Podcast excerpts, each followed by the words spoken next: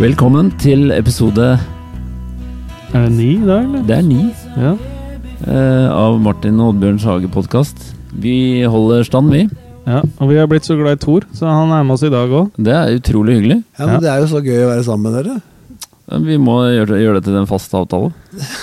Ja, det er jo det vi gjør. Han har jo så mye kunnskap, og det er jo så lærerikt for eh, I hvert fall for meg. Før vi går i gang, så vil vi nevne våre venner på podmaster.no. Mm. De gjør lyden for oss. Det er sånn at det blir eh, behagelig å høre på. Har du en podkast du driver med, kontakt de. Det Ja. anbefales. Ikke surr med denne lyden aleine. Det er veldig, blir bare tull. veldig flott den første runden vi hadde. da. Ja. Ja, det låt eh, knall. Hva skal vi snakke om i dag, da, I Martin? dag eh, Det er uh, et tema som jeg uh, gjerne vil lære mer om. Det er jo derfor vi har Tor her. Og det er gress, Mhm. rett og slett. I alle sine fasonger. Og Vi snakker da om det som vokser Gressplen. gressplen. Det Ikke som sånn er det røyker. Nei, det var Nei. ikke det jeg tenkte på. Nei, nei. Eh, Du kan jo i og for seg røyke sånn gressplen òg, men jeg tror, tror ikke det er så gøy. godt. Nei, nei. Jeg står her med en pakke med gressfrø. Det Mhm. selger jeg her. Mm. Eh, men da får jeg ofte da spørsmål om hvordan skal jeg gjøre dette her. Og da svarer jeg etter beste evne. Uh, og det, men min uh, kunnskap er litt mangelfull, så jeg tenkte vi begynner på bånn. Hva slags eh, Hva heter det? Fundament, eller hva slags eh, jordgrunnlag bør man ha når man anlegger en plen? La oss si man skal så selv, da. Ja, da, da er jo saken den at, at grass, altså gresset som sådan, eller gresset som sådan, eh, har egentlig best av å ha et veldig sandholdig jordprodukt. Altså, jo, egentlig jo mer sand, jo bedre. Problemstillingen er at det blir jo tørkesvakt, så da krever det en del vanning. Men Mm. det som veldig få egentlig veit, er at hvis du, hvis du har en helt ideelt dyrka plen, da, Mm. Og så tar du deg et, et tenk deg et sånn 50 mm tjukt rør, og så banker du Mm. ned i bakken, og så drar du opp en jordpropp for å se ok, hvor er røttene hen. Mm. Og hvis det er en sandholdig jord, så vil du finne grasrøtter helt ned til 25-30 cm. Mm. Og det er jo litt av greia. Så den lille filla du har på toppen, da, har en kjempesvært rotnett. Og det er på en måte greia med å få en vellykka plen. At du har så svært og dypt rotnett som bare pokker. Mm. Eh, hvis jorda er veldig leirholdig, så får du en ganske sånn lavt eh, rotnett. Mm. Resultatet er at den blir tørkesvak. Så det skal liksom bare noen få dager, kanskje en uke til med tørke, og så begynner plenen å bli gul. Og det er fordi rett og slett jordsmonnet ikke er sandholdig nok. Mm. Og så kan du si det sånn at okay, ja, men det, det er jo den plenen jeg har, da. Den bare er sånn. Du kan liksom ikke erstatte jorda under gresset. Så da, da går det an på en måte å begynne å bygge opp plenen på nytt igjen, da, eller den du har, ved å bruke sand i toppen. Vi kaller det for å toppdresse. Mm. Så kliner du på kanskje med en centimeter lag med sand, eh, eh, og la gresset spire gjennom det, og så fortsetter du med det, så du får dannet opp mer og mer sand i toppen. Det er en veldig god plan for å lage en mer slitesterk og sterkere plen. Men poenget med sand, det er for at røttene lettere skal få jobbe seg nedover, er det det? Ja, dob- strukturen i jorda? Ja, dobbelt opp. Altså, du kan si når, når du driver og klipper plenen din, hvis du klipper uten oppsamler, vi kan snakke litt mer om gressklipper etterpå, for det har jeg Mm. dilla på, men Ja. Men det som er, skjer da, du, når du klipper gresset uten oppsamler, så vil det, det som er av avklipp, det legger seg som et sånt lag akkurat der hvor på en måte gresset slutter å være overjordisk, og der hvor det er rot. Mm. Og dette laget det kaller vi for tatch, eller som på engelsk betyr filt. Mm. Det er så et lite fil, tynt filtlag, kanskje bare 3-4-5-6 millimeter tykt, som er komposterte gamle gressrester, som blir veldig tett, og etter hvert også ganske næringsrikt. Eh, og så begynner disse røttene å tenke at ja, men det er jo mye kulere med den næringa der oppe enn nedi her, og så Mm. begynner røttene å, å krype oppover.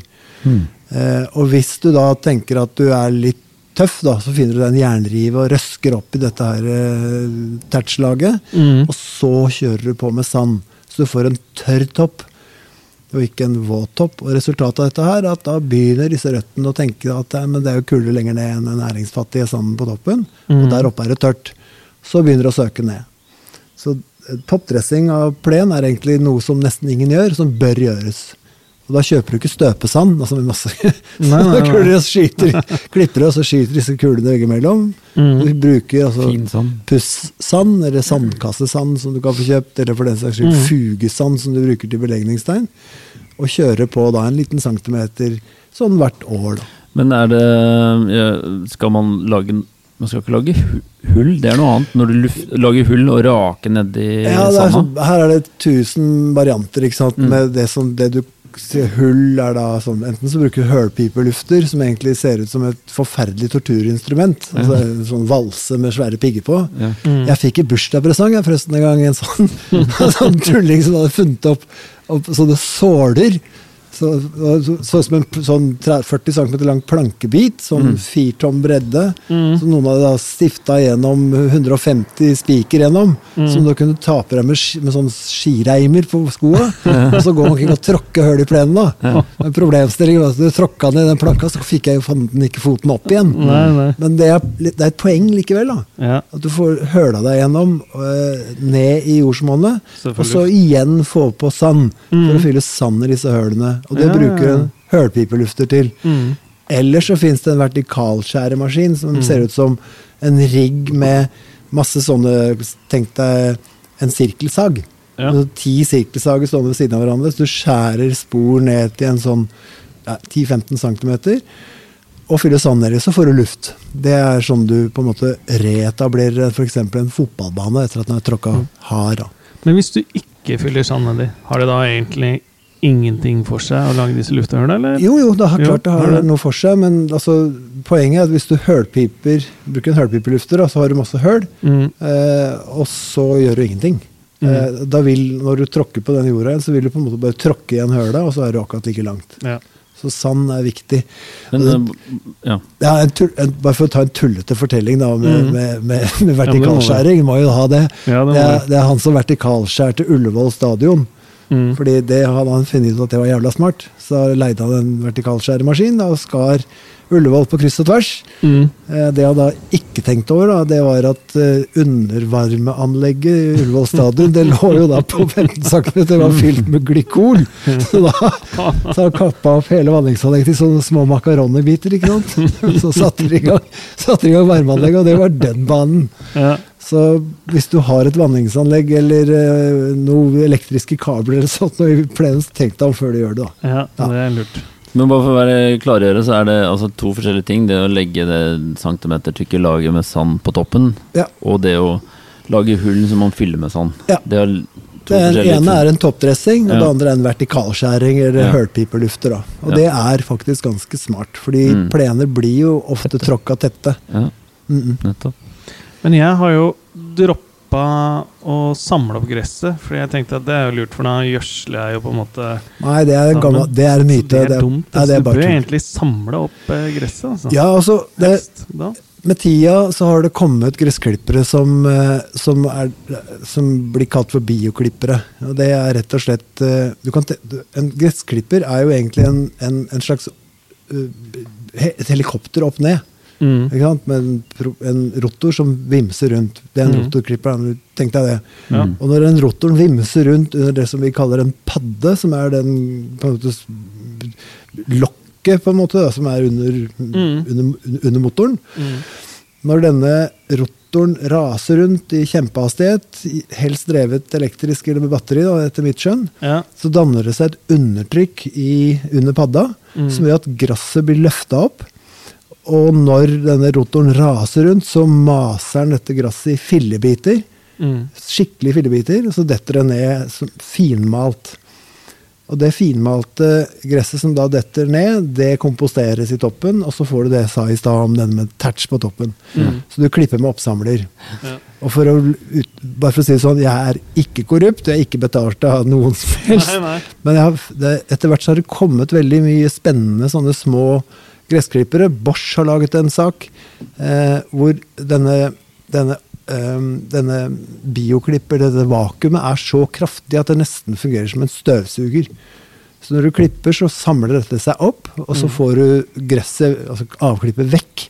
Mm. Eh, og samtidig klippa gresset jevnt og godt. da. Mm. Så det, jeg er veldig glad i det. Alle hagene mine går jeg med Det ser helt teit ut, det ser ut som et leketøy, Mm. men det er det ikke.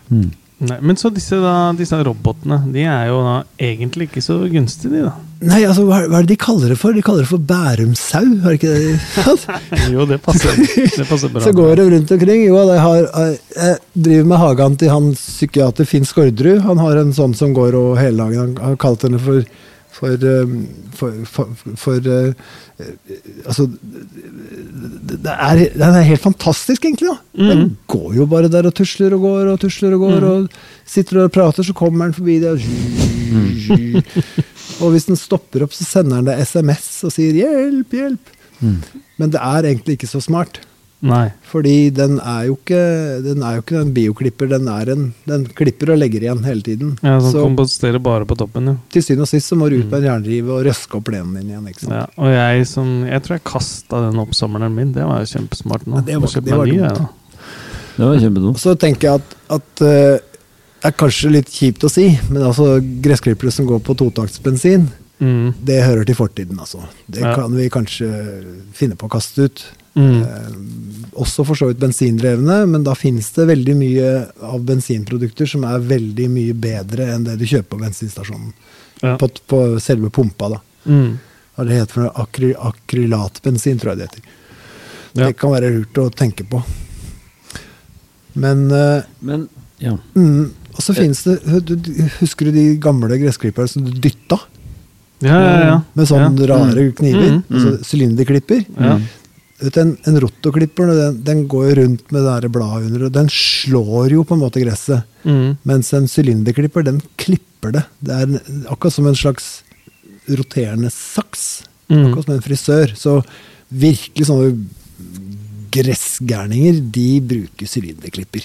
Alle Mm. golfbaner og sånt og gjør det, på green og sånn. Mm.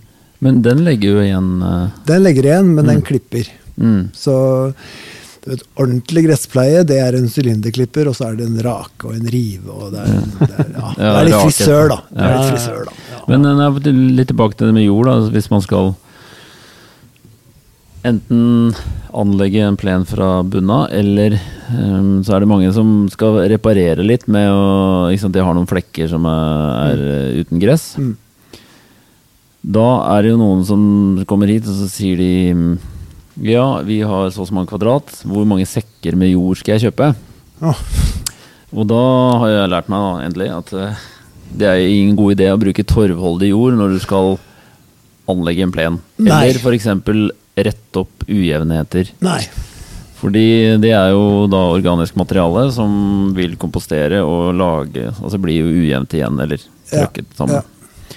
Så leirholdig jord blandet med en del sand, er det det du Altså en, mineralsk, en mineralsk jord, ikke Ja. sant? Altså en jord som ikke inneholder torvprodukter, er jo litt Mm. sånn, det kan vi diskutere mye. Jeg er ikke så Mm. veldig glad i det, jeg, da. Fordi Mm. det er jo en ikke-fornybar ressurs. Mm. Men uh, ideelt sett så skulle man ha kjøpt såjord, ikke sant? Det, det får vel i sånn 30 liters Mm. sekker, og det blir jo dritdyrt, da. Mm. Men, eh, men jo mer sand du får i den jorda, jo bedre er det egentlig. Ja. Og ikke humusrester i det hele tatt. så Ikke det Mm. på noen Ikke måte. kompostbasert. Nei, Ikke kompostjord heller. Jo, kompostjord kan du vel kanskje bruke, men ofte så er kompostfraksjonene er så svære. Mm. Så, jeg kjø, så jeg driver jo på en måte Jeg bygger jo hager. Så jeg, når jeg kjøper jord, så kjøper jeg i bulk. Altså jeg Mm. kjøper en lastebil. Mm. Det er jo å anbefale, altså selv om du får jo ikke levert noe særlig mindre enn 10 kubikk, men og også ta den jobben med å lage et ordentlig lag med den type jord, ikke sant? Ja, altså minst, minst 10 centimeter. Ja. Ikke sant? Og så kommer du inn på dette evige spørsmålet, da. Ikke sant? Skal jeg rulle ut ferdig gress, eller Mm. skal jeg så? Mm. Eh, og det blir sånn Ålreit, hvor tjukk er lommeboka di? Mm. Eh, Men her står jeg, som jeg sa, jeg står med en, en sånn pakke med gressfrø. mm, Som er sikkert en grei kvalitet, som man får kjøpt rundt. Det er det vi selger her. Og her uh, står det jo på undersiden uh, angitt i prosentandel hvilken type gress Mm. uh, som er i den blandingen. mm.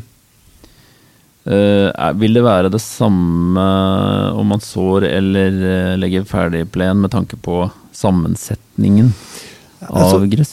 Veldig mye av det du får av ferdigplen, er oftest rødsvingelarter. Eh, som er rotende, altså som har isomer, altså det vil si at de er, har rotutløpere. og På en måte et slags vev. Eh, eh, veldig mye av gressfrøblandingen du får, er oftest også svingelarter. Mm. Gjerne kanskje også noe rapp. Og så er det veldig ofte blanda inn 10% kanskje 15% med rai. Mm. Som er en veldig veldig hurt- hurtigvoksende, og ofte også bare ettårig, for å få det grønt fort. Ja. Eh, men det du sa eh, om å reparere, da. Mm. Da fins det sånn reparasjonsgress. Ja. Eh, Eller rapidgress, eller hva man kaller det for, avhengig av hvor du kjøper en. Mm. Og det er oftest veldig raiholdig For at det skal være hurtig. for å få det fort grønt. Mm. Uh, jeg tenker sånn altså, Igjen tilbake til økonomi, og Mm. hva har du råd til? Uh, men ikke minst hva er det du har tid til? Mm. Fordi det er klart at det kan være greit å tenke La oss si det er 100 kvadratmeter gress du skal legge. da. Så betaler du vel kanskje ja, 40, Jeg vet ikke hva det koster i forbruket, men la oss si 40 kroner kvadraten, da, Ferdigplen. for eksempel. Mm. Og det er en rull som er 50 cm brei og 2,5 meter lang. Mm. Det er dritdigg, da. ikke sant? For Mm. palmegress, og så har du plen. Mm. eh, og så, ok, 100 kvadratmeter, og så sa jeg 40 kroner kvadraten. Det er 4000 spenn. Og så sier man 4000 kroner, er spennvill? frøpakka koster jo bare 120 kroner. Mm. Så da er mitt standardsvar på alle sånne ting det er ok, 4000 kroner for plen, er det dyrt? Hva kosta krakken til stresslessen din, altså? Den kosta 6500, ikke sant? Mm. Eller hva kosta TV-en din? Mm. Så jeg syns opp til sånn 150-200, så er jeg på ferdiggress, altså. Ja, og sånn- det, kvaliteten på det er, den er Alltid god. bra. Ja. Ja, de er proffe. Men kan vi bare ta det Ja, For der er jeg litt sånn innspill, da. Ja, men jeg- ja, den derre jobben med å så selv versus uh, å Samme legge jobben. Men ja, liksom, når du sår bare La oss ta litt hvordan man gjør det. Mm. Uh, la oss si du har Ok, vi har kommet dit. Vi har en god, uh, godt grunnlag med jord. Ja. Da Hva gjør man så? Nei, Det første du gjør, er jo å få raka ut dette jordsmonnet du har kjøpt deg, som da er sandholdig. Mm. Rake det ut til riktig nivå og få det så flatt du bare kan. Mm. Og så er det I gamle dager så tromla du. altså Kjøpte deg en, eller leide deg en svær digetrommel som du fyller med vann. Og så trilla du rundt omkring med den. Og det er for så vidt greit, da. Men hvis du ser litt nærmere på marktrykket på en sånn rull Det er jo bare kanskje tre centimeter av den der valsa som er ned på bakken. Ikke sant? Så det er ikke noe særlig trøkk i dette her. Mm. Selv om det blir flatt, så er det ikke i nærheten av det trøkket du har av hælen på skoa di. Mm. Så jeg tråkker, jeg tråkker, beintråkker før jeg eh, sår eller ruller ut plen. Det er en forferdelig dustete oppgave, for du da så går, går Mm. frem og tilbake, frem og tilbake og frem og tilbake over plenen og tråkker ned. Så du gjør det med nye Ja, frø ja. òg? Ja. Altså, ikke med en fotballbane, Nei, nei. men med en vanlig hage som er la oss si en hundrings av kvadratmeter, så Ja, ja, går jeg beintråkkeren Ja. Det er før du sår. før jeg sår. Mm. På kryss og tvers, og så raker jeg den flat etterpå. Mm. Så, så så jeg, Mm. gjerne i kombinasjon med la oss si en tiendedel av den gjødselmengden du skal bruke i plen, sammen med frøene. Blande. Blander det, og så går du med en plastrive. Altså ikke en jerndrive og heller ikke en rake, men en plastrive. Og raker da frøene og eh, gjødselen sammen eh, ned bare Skal bare en liten halv centimeter eller en centimeter ned i toppen. Og da er du ferdig. Så Noe du spesiell gjødsel, eller? Nei, bare en helt vanlig Blåkorn eller et eller annet? Whatever. Men du komprimerer ikke etter du har sådd? Nei, for da skal det være komprimert nok. Det i prinsippet du gjør av siste avraking, det er jo på en måte bare for å lage et såbed, ikke sant? Som du gjør med andre typer frø, så du får det litt løst. Og så er det å sette seg ned og vente, da. Og da Og kommer bikkja, kommer naboen til bikkja og graver et høl i den, og så kommer ungen og hopper over gjerdet og tråkker i stykker, og, det, det, det, og så, så går du og kjøper deg ferdiggrass likevel. Mm. Men, men eh, det som er litt vrient, eh, er jo det der å distribuere frø jevnt. For Ja. det er et fint frø, ikke sant? Jo. Har du noe triks der, eller? Ikke vinn! Ikke vin, ja. Ikke Vin- vin. Vindstille. Ja, ikke vin. ja, vin er helt ok. vin. Du sjangler rundt omkring og kaster frø, er ikke så gøy.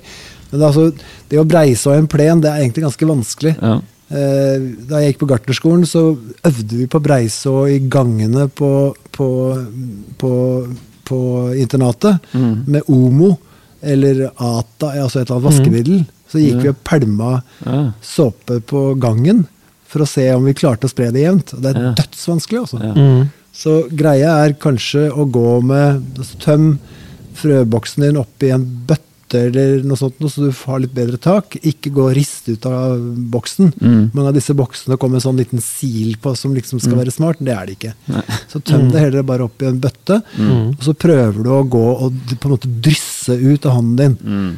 Ta en skikkelig neve, og så drysser du den utover. Mm. Og så prøver du hele tiden å se ned på bakken og liksom tenke at ja, der har jeg vært, der har jeg vært, der har jeg vært. der har jeg vært. Eh, sånn cirka. Og så er det dette her med å gå med plasterriva etterpå for å få fordelt det ordentlig. For å få fordelt det. Mm. Og så det- ja. og så, her er regel nummer én. Mm. Du sår for det som pakka står på, og så sår du 30% mer for småfuglene. Mm. Fordi småfuglene kommer og eter disse frøa så det holder. Mm. Så du sår også for også, si 30% ekstra. Ja, det er litt Mm. svinn, ja. Men øhm, Men uh, hva skal jeg si uh, Det finnes det no, no, det ikke noen sånne redskaper for å så? Altså noe sånn såtrommel eller et Jo, jo, det fins sånne ting Du kan tenke deg at det er en slags trakt. Mm. Og i bunnen av trakta så er det en roterende liten sånn skive Mm. som blir drevet av hjula. Mm. Så når du drar den tralla etter deg, så skyver den på en måte frøa ut. Funker det, eller? Ja, det funker. Det brukes av profesjonelle Ja, men det er litt sånn stor investering for en Nei, nei, det er ikke dyrt dette her. Tenker at Gardena har noen sånne ting, Mm. helt sikkert. Og det, det er helt ålreit, det. Det er jo egentlig bare en miniatyr av såmaskiner som er bakmontert på traktor. Men du sa altså gjødselen, den blanda du inn sammen med frøet tørt, eller har du litt vann i? Nei, det ble, altså, du legger, holder jo ikke på med dette her i regnvær, håper jeg. Men gjerne, gjerne tørt, Mm. og så er det på med vanning. Ja, vanning med en gang. Ja, og så må du huske på en liten ting. At hvis du først har begynt å vanne, så spirer frøene. Mm. Og da er du liksom catch 22. Da må Ja. du fortsette å vanne. Ja, for da har de røtter som Da er det i gang, ikke sant? Ja. Så ideelt sett så vanner du ikke en nysådd plen. Nei. Du lar det kapillære vannet, altså det som kommer underfra og opp, ta vare på det. Egentlig. Så har du først begynt å vanne, så, Må du fortsette. så må du fortsette. Hvis ikke det blir regne, da. Sånn som i fjor. Mm. Det regna hele tiden. Innspill, Oddbjørn? På frø? Nå skal vi på ferdigblend snart. Struktur her nå. Ja, ja, Mm. på frø. Du kan gjøre sånn som når jeg tenker, tenkte Kanskje jeg kan bidra med noe. I forhold til når, når du baker, så er det jo et sånt triks med at hvordan skal du få fordelt melet godt ut? For det blir litt det samme som du holdt på med om og koller, ikke sant? Mhm. Mm. Det er hvis du da holder en full knyttneve med frøene, og så har du sånn så vidt at du skiller mellom fingrene, og så rister du. Ja. Det er nesten sånn Jeg kjenner det. nøkker, så får du liksom fordelt de lite grann. Det kan Og være så bruker du triks hvert hånden som en sil. Ja, vi, Ja, men du rister på hånda di, for da liksom du kaster det ut, men så spriker det litt mellom fingertuppene, så får du fordelt det. Ta går du- Øv litt på mel, så skjønner dere så går du to veier. Du tar en neve, og så kaster du ut mot, mot venstre, ikke sant? Ut mot venstre, og så Mm. holder du igjen frøene, og så kaster du til høyre neste gang med samme neven. Så halvparten går på venstre, og halvparten går på høyre. Ja, det var enda mer fancy enn meg. Jeg Så tok går- bare én vei. Ikke sant? Så Mm. går du høyre-venstre, og da går du eh, på en måte, la oss si, nord-syd. Og så går du øst-vest og gjør det samme. Mm. Da har du kryssført såinga di, ikke sant? Ja, ja. Da er du, skal du være mye til at du ikke har gjort det riktig, hvis du da går over med plasterriva di etterpå. Mm. Mm. Men den. Nei, men, det Det var skal vi et, spør ta. et spørsmål til. Ja. Er det Jeg pleier å si uh, Det er ingen skam å etterså. Er det riktig? Ja, det er helt riktig. Fordi det blir jo ujevnt. Spirer kom, Når du kommer opp, så ser du Oi, der var det jo veldig grønt, men der var det jo litt grått. Ja, ja, ja. Da kan du gå over. Ja, ja, ja. Også for så vidt en plen som du har lagt, som har kommet seg i gang. Det er ingen skam å etterså den heller. Nei. Mm. Altså, en, For på ferdigplen, der må man fort etter så Må du ikke det? Så da, nå, nå, ja, nå kan vi ta det ja, ferdig. ja, La oss si, Du har et grunnlag med den gode mineral-sandholdige jorden Ja. du snakket om. Du kjøper disse på rull, Ja. disse ferdigplenene. ja, og grunnarbeidet er det samme som om du Ja. ville ha sådd. Akkurat det samme. Og mm. Man må huske at dette er ferskværet, det må rulles ut. Innen 24 timer. Ja. Eh, Sånn, jeg blir litt nysgjerrig nå, kjenner jeg, på hvordan de produserer det. Altså Når du bestiller det, så blir det høsta, og så blir det kjørt hjem til deg. Ja. Og da, da må du ikke Da må du ikke ta deg en pause på et par dager. Nei, altså det som skjer, disse gris, altså den, den maskinen som skjærer ferdiggrasrullene, ser ut som en slags uh, mekanisk ostehøvel. Mm. Nærmest som høvler av gresset pluss 3-4 cm med jord. Mm. Eh, og så ruller den automatisk. Jeg fomlet å forklare hvordan, men det Ja. ender opp med at det blir en tett pakka rull. Og det, det er en høstemaskin. Mm. Og dette legges opp på paller, og legges da tverrvei, tver- tverrlagt på pallen. Mm. Så det vil si at de underste rullene de ligger jo under ti andre.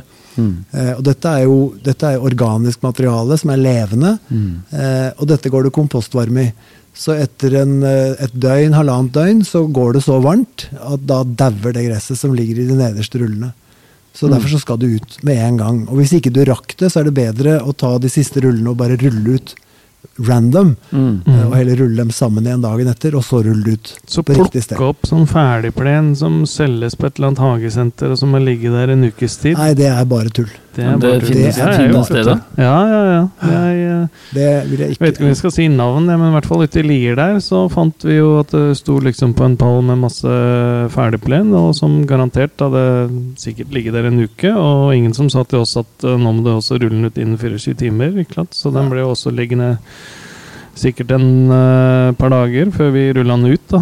Vi fikk jo det gikk jo til en viss grad, men det er derfor jeg skal komme litt tilbake til spørsmålet om hva vi opplevde med det etterpå, da.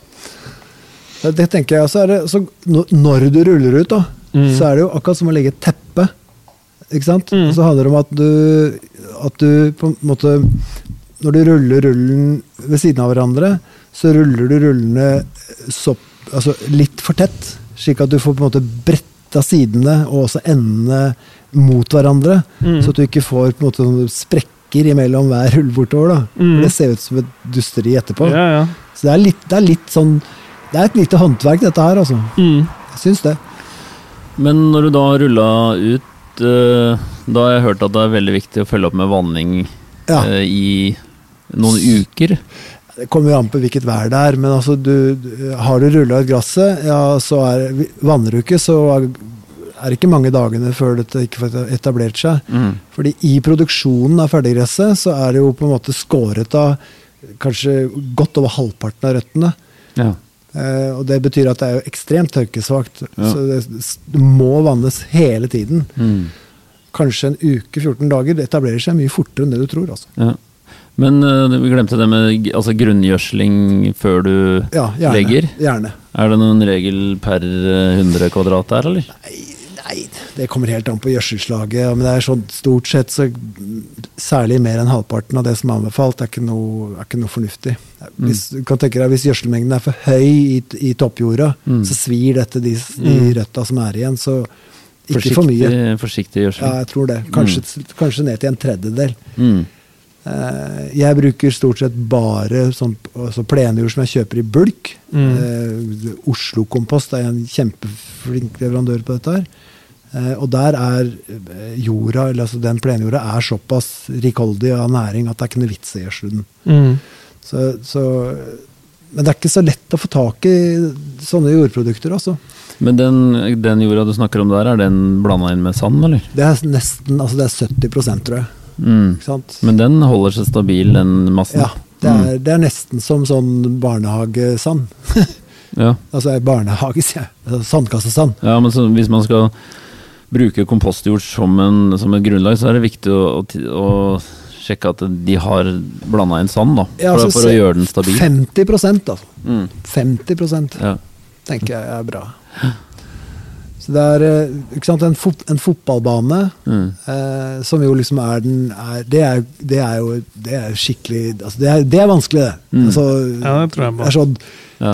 banemesteren på Ullevål. Ikke sant? Du har brukt hele vårsesongen på å få denne plenen opp. og så kommer det 22 gærninger da, på 100 kg hver med knott, seks knotter på hver sko. Og så har det regna i tre uker, og så er det hele jobben din dead gone. Mm. Så det er, hvis det er ett fag jeg har respekt for, så er det banemestere. Mm. Ja. Fordi det er faktisk i hvert fall i Norge så er det slik at det er dommeren som bestemmer om en bane kan spilles på eller ikke. Mm. Og ikke greenkeeperen, altså banemesteren.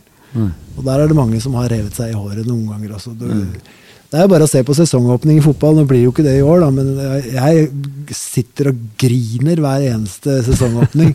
ikke sant? De går ut og spiller fotball på levende gressbane i mars.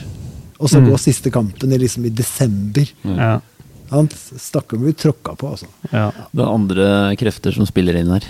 Ja, det er mye penger. Ja. Så sånn sett så er det Men jeg har en veldig fin historie på dette her. Ja. Ja, det må ta. Det må du ta. Ja, det er da banemesteren på Wembley stadium, som da Den brukes jo utenom sesongen, så brukes den til konserter.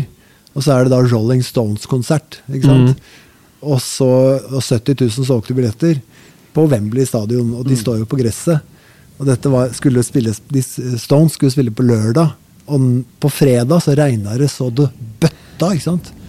Så da tar greenkeeperen, altså det heter groundsman i, i England, Mm. tar opp telefonen og ringer til impresarioen til Rolling Stones og sier Good afternoon, it's the greenkeeper of Wembley Stadium. There will be no Rolling Stones concert here tomorrow. Goodbye. Så da Det de gjorde, da, var at de rasa rundt i alle transportselskaper i hele London og fikk lånt sånne plastikkpaller.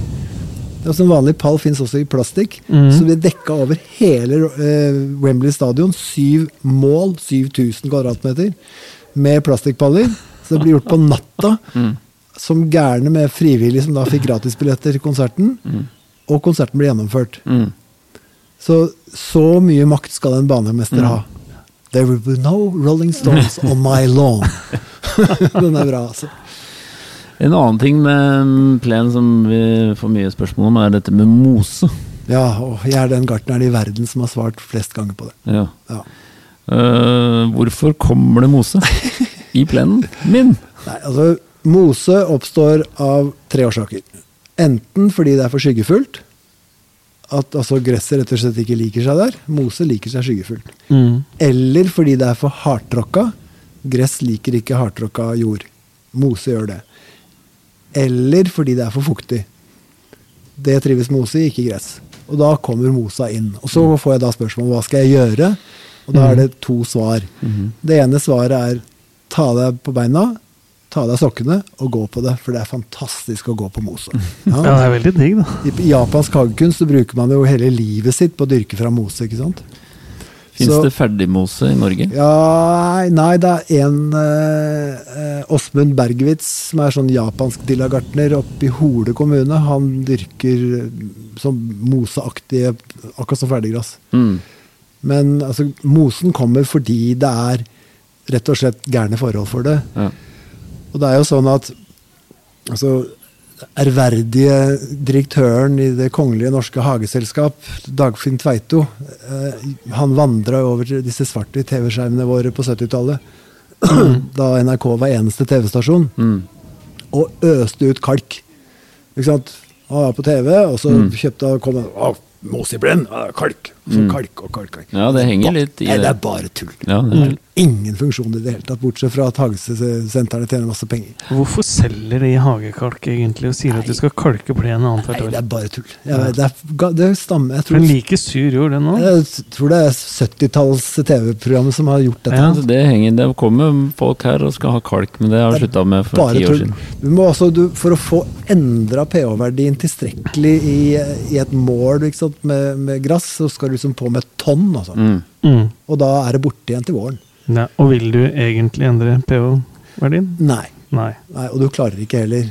Så det, det, er, det, er, skikk, er skikkelig sånn en av de verste mytene i, i norsk hagekultur. Ja. Men altså, mose etablerer seg når det er fuktig og det er skyggefullt, Eller på hardtråkka. eller for hardtråkka. Ja. Og det er vel ofte en sammenheng mellom hardtråkka jord og ansamling av eh, vann. da. Ja. Så hva kan man Vil vi bli kvitt den? Men vil vi egentlig bli kvitt mosen, eller? Nei, jeg syns ikke det. Altså, det, det. I mange tilfeller så er det altså, Hvorfor skal du ha gress der? Jo, fordi gresset er mye mer slitesterkt enn mosen. Ja. Eh, vil du ha noe grønt der? Ja. Ja. Hva er det som er så gærent med den jævla mosen? da? Altså, han, Sønnen din blir jo ikke Maradona uansett i den hagen din likevel. Nei. Og vil han bli Maradona, så send han ned på Føyka da, eller en annen, et annet sted. Ja. Og så begynn å trives med dette her. Og så er det en annen morsom ting som jeg har begynt å henge meg opp i i det siste. og det er, altså Du har jo den her planta som alle veit hva heter for noe etter hvert. ikke sant? Jeg ble jo verdenskjendis ved å si at planteavstanden på tuja burde være tre kilometer. Men det som, altså tuja liker ikke kalk. Og bak en tujahekk så er det veldig skyggefullt. Der oppstår mosen, og så kalker du. Ja, og så ødelegger du for tujahekken, ikke sant? Mm. Så det er, det, er, det er noe med å på en måte ta ting som de er. Mm. Er det mose der, ja, så er det fordi den trives der. Ja. Men det er jo Men skal vi bli kvitt den, da? Hva gjør vi da? To ting. ja, ja, La oss si det. Men... Nei, jeg ville sagt det sånn ja, at hvis det er et område av plenen din som er stappfullt av mose, ja, så er det altså fordi forholdene ikke passer til gress. Ja, Finn deg noen planter som passer til det området, da. Mm. Altså, Finn deg noen stauder istedenfor. Du har sikkert nok plen fra før av. Ja. Så det, det er mye av det som blir Den derre boka jeg skrev, hvor jeg satte meg ned og skrev 160 sider bare om gress. Ikke sant? Hvor jeg egentlig skriver mot meg selv. Fordi eh, i mange tilfeller så har vi i grunnen nok plen. altså. Jeg, jeg regna på det en gang og fant ut, gjorde noen gjennomsnittsberegninger på hvor stor er en hageeiendom. Eh, så tar du med deg litt sånn borettslagsplener og litt sånn. Så du kan jo gjøre det. Det er 1,x millioner husstander i Norge. Da kan du i prinsippet regne deg fram til ca. hvor mye gress er det. Og da fant jeg ut at det er en seks meter brei vei fra Lindesnes til Nordkapp, som er plen.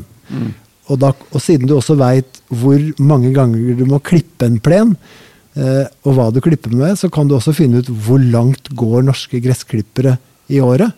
Sant? Og da fant jeg ut at norske gressklippere går 35 ganger rundt jordkloden. Så mye gress er det. Da kan du tenke deg, da er det i grunnen nok gress, da. Da kan man kanskje begynne å tenke på litt andre planter. Men det er akkurat det med mm, altså Mose trives i skygge, og da er det jo da kan man jo man kan fjerne mosen, og så er det noen frøblandinger som heter skyggeblanding. Er det bare sprøyt, eller? Nei, det er ikke sprøyt i det hele tatt. Eh, Da vi la om de store plenene Altså Slottsparken, som jeg var med på å rehabilitere på sånt mellom 2010 og 2013, da er det, det er 225 mål og 1300 trær. Mm. Og nesten bare skygge. Det er nesten klin umulig å få et bærekraftig gress til å funke med så stort publikumspress. Mm. Eh, men det vi gjorde, var at altså, dels så tok vi bort svære gressharer. Vi planta mellom 150 og 200 000 stauder i en del områder. Men i veldig skyggelagte områder så brukte vi det skampia, altså øh, sølvbunke, som er et eh, sånn tuedannende, veldig skyggetålende grassart. Og det funka veldig bra. Og det tåler også for så vidt eh, tråkk, da. Men Mm. den er tuedannende, ikke teppedannende. Ja. Så du får sånne tuer. Ja. Men det er grønt. Ja. Og det er helt kult. Mm. Så det er, ikke noe, det er ikke noe i veien for det. Og da er det å bestille da eh, det er mange andre skyggetålende grassarter, men altså sølvbunke er kanskje den mest vellykka. Det får du kjøpt fra frøhandler, altså Mm. LOG eller Ja, for det finnes jo sånne bokser som det her, som jeg har her, hvor det, men det står skyggesterk eller skyggeblanding, da. Ja. Da har de blanda inn noen sorter som da skal være Som funker. ja. det finnes det kan være en løsning for de som vil Ja, ja. Og det finnes, altså det finnes utrolig mange arter med grass, altså. Mm. Du veit at 80% av den maten vi spiser, er gress? På Ja, en eller annen måte. Det- Altså ris, mais, rug, hvete, durra, alt dette her. Mm. Alt Mm. dette er gress. Mm. Og alt det som dyra beiter på, er også gress. Mm. Så uten gress så hadde vi jo vært skikkelig ille ute, altså. Mm. Ja. Du nevnte litt om eh, Eller vi snakket litt om det med klipping i stad. Er det noe Er det noen sammenhenger der man skal tenke på? Altså Hvis man lar eh, noen, Mange liker jo å ha en kortklipt plen, for det er pent, ikke sant? Men da tørker det vel fortere? Nei, altså, du kan si Dette er sånn, også sånn Jeg har nevnt i forrige runden her med min gode venn Mark Pearce, som er Mm. åttende generasjon engelskgartner. I engelsk gartnerfag så tenker de litt annerledes enn oss. Og plen i England er jo på en måte Det er en religion. Mm. Ja. Eh, så, så greia er at sånn som jeg ser det, så klipper du plenen på en fyrstikkeskehøyde, altså sånn 4-5 cm, og der holder du den gjennom hele sesongen på 4-5 cm. Man klipper for kort i Norge, har jeg Mm. alltid ment. da. Mm.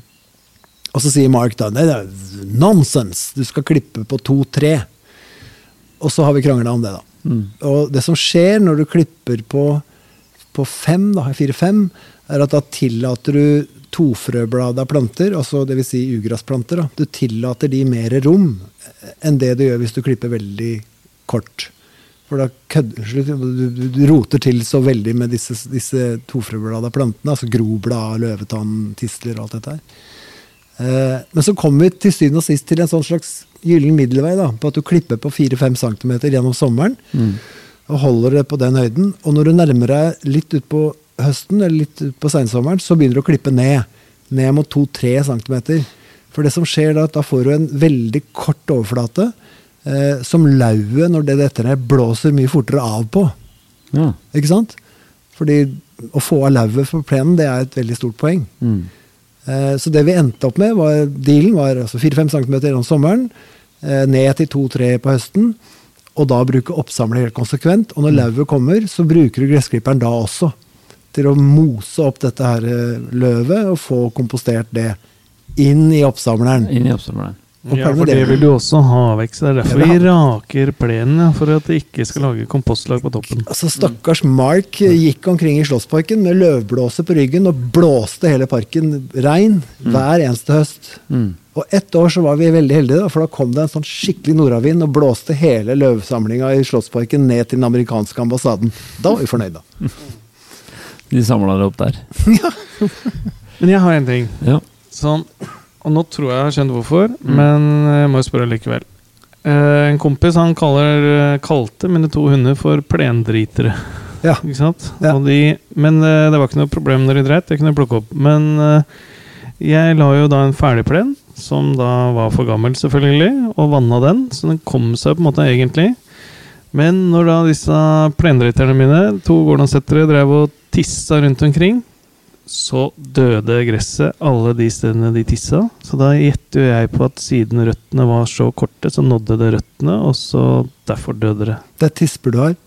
Nei, Jeg hadde to hannhunder da, men nå har jeg en tispe.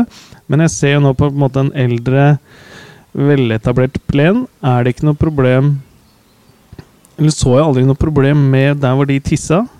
Tujaene tok det jo knerten på, så de måtte bare klippe ned der hvor de rakk opp med å løfte beinet sitt. Men eh, uansett hvor de tissa på, kall det litt ny, nysådd plen eller uh, osv., så, videre, så ble det gule områder uh, der sånn. Altså, jeg spurte om tisper fordi jeg har tispe, alltid hatt tispe. Mm. Og tisper, de, når de tisser, så slipper de alt i én dynge, mens hannbikkjer går jo og skvetter hist og pist hele tida. Mm. Så du ser på plener hvor du ser sånne ja, middagstallerken, desserttallerken, store gule flekker. Er typisk Yes. en tispe som har satt seg ned og sluppet alt. Mm. Og urinen inneholder jo så mye guffe ekkelt, så det hjelper ikke om plenen er ung eller gammel. For det tar knekken på den, altså. Faktisk. Så, Ja. så egentlig så hadde du vært skikkelig plen og gal, så mm. følger du med på bikkja di når den er ute i hagen, hvis det er tispe. Mm. Eh, Og i det øyeblikket den setter seg ned og pisser, tisser, som det kanskje skal hete, Så så, tar du med ei bøtte vann Ja. Og hiver over. Mm. Fordi altså, urin For å ta en skikkelig digresjon ja. eh, I eh, trær i byen som står på gatehjørner, Mm. eh, de blir jo konsekvent pissa på av hannhunder. ikke sant? Ja, ja, Du ja. kan jo tenke deg hvor morsomt det er å være tre. Det blir pissa på 370 ganger om dagen. Mm. Så hvis du ser omkring i, i byer overalt i hele verden, så ser du at gatehjørnetrær de har alltid problemer. Fordi hundeurin er faktisk et problem. altså Ikke bare for, for, for gress, men også for trær. Ja. Men en nysådd plen vil vel være mer utsatt og Ja, ja. lettere fordi Alle barn har det dårlig med å bli pissa i huet på. ikke sant? Ja. Ja. Ok. Um, det var én ting til.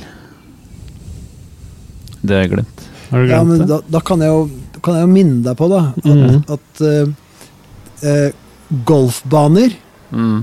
Altså, du vet, en green, det er der du putter, Putter. ballen ned i Mm. hullet, ikke sant? Ja, ja. Det gresset er åtte millimeter høyt. Mm. Det er en kunst, altså. Så for deg som på en måte går på ski om vinteren Alle greenkeepere setter gjerder rundt greenene. Og Det er sånn, Jeg har superrespekt. Altså jeg, for det første så spiller jeg ikke golf. Jeg synes det er noe ja, Folk får spille golf, men jeg gjør ikke det. altså. Jeg kan ikke skjønne hvorfor jeg må ha med en plastikkball for å gå på tur. Men, men det er et fag, og det er vanskelig. Så vis respekt for de gutta som holder på med golfbaner på greenene deres, for de jobber livet av seg for å få det til. Det er nesten ikke mulig å dyrke greener i Norge, men de får det til. Men nå er den, begynner dere å bli slappe. da. De begynner å kjøpe sånne, sånne roboter, de òg. Ja, de, ja, ja visst gjør de det. Jo, det, nå kom jeg på det. Det, det. det var dette med ugress i plen. Ja, Altså Det dukker jo opp, og det finnes sprøytemidler og sånn, men er det ikke bare å kjøre klippa, og så blir det borte? Jo, det er det som var diskusjonen med min venn Mark. Mm. At hvis du lar gresset være 4-5 cm, så mener jeg at gresset da på en måte er så skyggevirkende på, på tofrøblada ugress Mm. at det på en måte vil bidra til at ugresset etablerer seg dårligere. Mm. Eh, hvis du klipper for kort, så vil du på en måte hjelpe ugresset med å få plass. Så Ja. Det er på en måte mitt poeng, da. Sprøytemidler fins, Mm. med sånn gressrens og Ja. sånt noe. Jeg tror kjemien heter MCPA. Altså Greia er at mm, gress er enfrøblada planter. Eh, alle ugrassplanter er tofrøblada, og den genetiske forskjellen den har man funnet stoffer for å ta knekken på tofrøblada. Da. Og så Ja, er jeg de når jo ikke nett til, da. Nei, Når altså, du har det på er fire eller fem centimeter, så er det vanskelig for den løvetann å nå ned til jorda hvor den får ja. fuktighet. Ja, jeg vet ikke. Altså, jeg er, jeg er Kanskje jeg er litt romantiker, eller kanskje jeg har hatt litt for langt hår, eller kanskje jeg er litt for Mm. hippie, eller kanskje jeg er litt for naturfriker, eller sånt noe. Jeg liker ikke kjemi. Jeg har dårlig, jævlig dårlig forhold til kjemi. Altså, far min, hans hagebod, lukta jo som maleboden til naboen. Mm. Han sprøyta liksom overalt. altså Hageopplevelsen min fra barndommen er fattern i regn... Du sett han, altså. Regnfrakk, gummistøvler, oppvaskhansker øh, og dykkermaske. Og, og skjerf rundt trynet, og så sprøyta han alt, og hagen lukta som en sånn nymalt kjøkkenbord. Så det Nei, nei takk, Nei, der har det skjedd eh, mye. Ja, det er nei. ikke så mange øh, plantevernmidler å få kjøpt lenger for Nei, hobbydyrkere, og det er jo bra. Og Det er noen som kommer inn og lurer på når du har fått lus på rosene. Har du rogor? sier de. ja, nei. Og det ble jo forbudt for uh, Men du veit hva løsningen er? mot lus. Nei, mot alt. Uh, ikke ha hage? Nei. Nei, det er um, Det er én spiseskje rødsprit, én spiseskje Zalo og to teskjeer bakepulver. Og én liter vann. Eller natron. Eller, eller natron, Eller- som forsøkt er er. egentlig Dette funker. Ja, det funker mot sopp og rust og. Ja. Vanesprøyte er 14. dag. Funker. ja. Det, den har jeg faktisk gitt bort. Uh, Jeg kalte det for grøbbarød. Grønnsåpe, bakepulver og rødsprit. Ja. Mm. Du kan for så vidt erstatte rødspriten da, med en, en rulletobakpakke og, og legge den i tre liter vann. Fordi to- to- vi brukte jo nikotin som sprøytemiddel da jeg gikk i læra. Det er både mot midd, og så er det også sånn typisk sånn meldugg, som er den derre Ja. Så lenge du er kjapp nok å spraye Ja, på. Ja, men da altså. Det- gjør det helt ufarlig. rutinemessig. Mm. Helt ufarlig. Det er jo sånn flott siste tips på dagen i dag, er det ikke det? Ja. Det er veldig bra runda med det. Er det. Men Tor, tusen takk for at du var med oss igjen. Og jeg vil bare nevne boken din om gress, som heter På gress komplett guide til den grønnere siden av gjerdet. Tor Småland fra 2013. Den finnes vel i nettbokhandelen fremdeles. Ja, det gjør det sikkert, og jeg tror jeg har 30 stykker i skapet mitt hjemme. Ta kontakt med Tor, og ta med kontanter og dra opp til han. Så får du en bok. Neida. Men det er småland.no, er det ikke det? Med to a-er? Smaland. Smaland. Firmaet mitt heter faktisk Små landskap, og måtte jo gjøre det med Småland som navn. Mm. Er smalandskap.no er hjemmesida mi.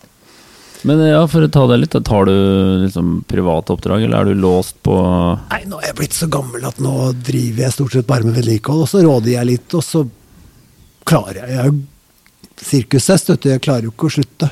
Nei. Men nå begynner jeg å bli såpass at jeg syns det er greit å gjøre noe annet. Mm, skjønner. Jeg bygger hjemme.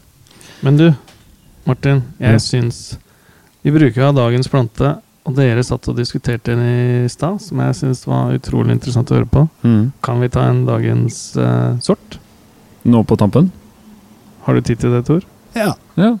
Skal vi ta den vi snakket om i stad? Det gjør vi gjør det. Det var jo Afrikalilje, som det heter på norsk. Eller Afrikas. Ag- Ja, Afrikas lille heter den vel. Agapantus på latin. Agapantus. Verdens kuleste plante. Mm. Det har vi alltid hatt én eller to typer her, som jeg driver og deler litt på sånn hvert år. Men, uh, Men hva er Tor har en kul historie på Ja, fortell litt om de det. fem du har hjemme Nei, det, er- det skyldes Det er faktisk dronning Maud. Når hun kom til Norge i 1905, så hadde hun med seg agapantus. Uh, som hun planta ut på Bygdøy kongsgård. Og den har da vært, blitt delt og delt og delt og delt og delt, og fins i hundrevis av eksemplarer. Så da jeg sa opp på Slottet i 2014, så stal jeg ti stykker og tok meg hjem. Må ikke si det høyt til noen, da. Nei, Men jeg regner med at denne podkasten, den det er ikke så mange som hører på. Nei, Nei, hvis, ingen- hvis de hører ingen på på hoffet, Slottet så som hører på den. Unnskyld! Men uh, du sier delt og delt. Hva er det man gjør med de?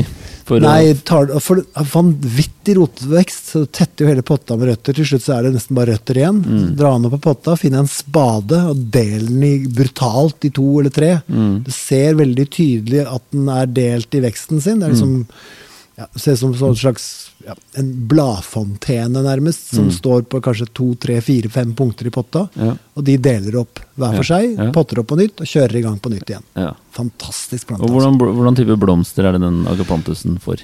Ja, hvordan har den da? Se, litt sånn Du kan bli dobbelt så stor som en tennisball. Mm. Masse småblomster i seg, enten hvite eller blå. Mm.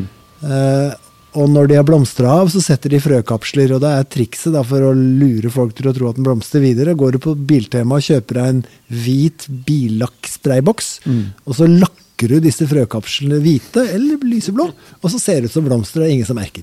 Det er et veldig godt tips for å få for lang blomstring. Ja, ja, litt Mm. juks.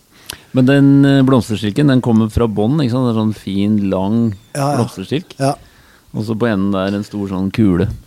Altså omgitt av et hav med sånne blader i nesten forskjellige etasjer som spriker rundt i alle retninger. Ja, ja, det en sånn- utrolig kul plante, altså.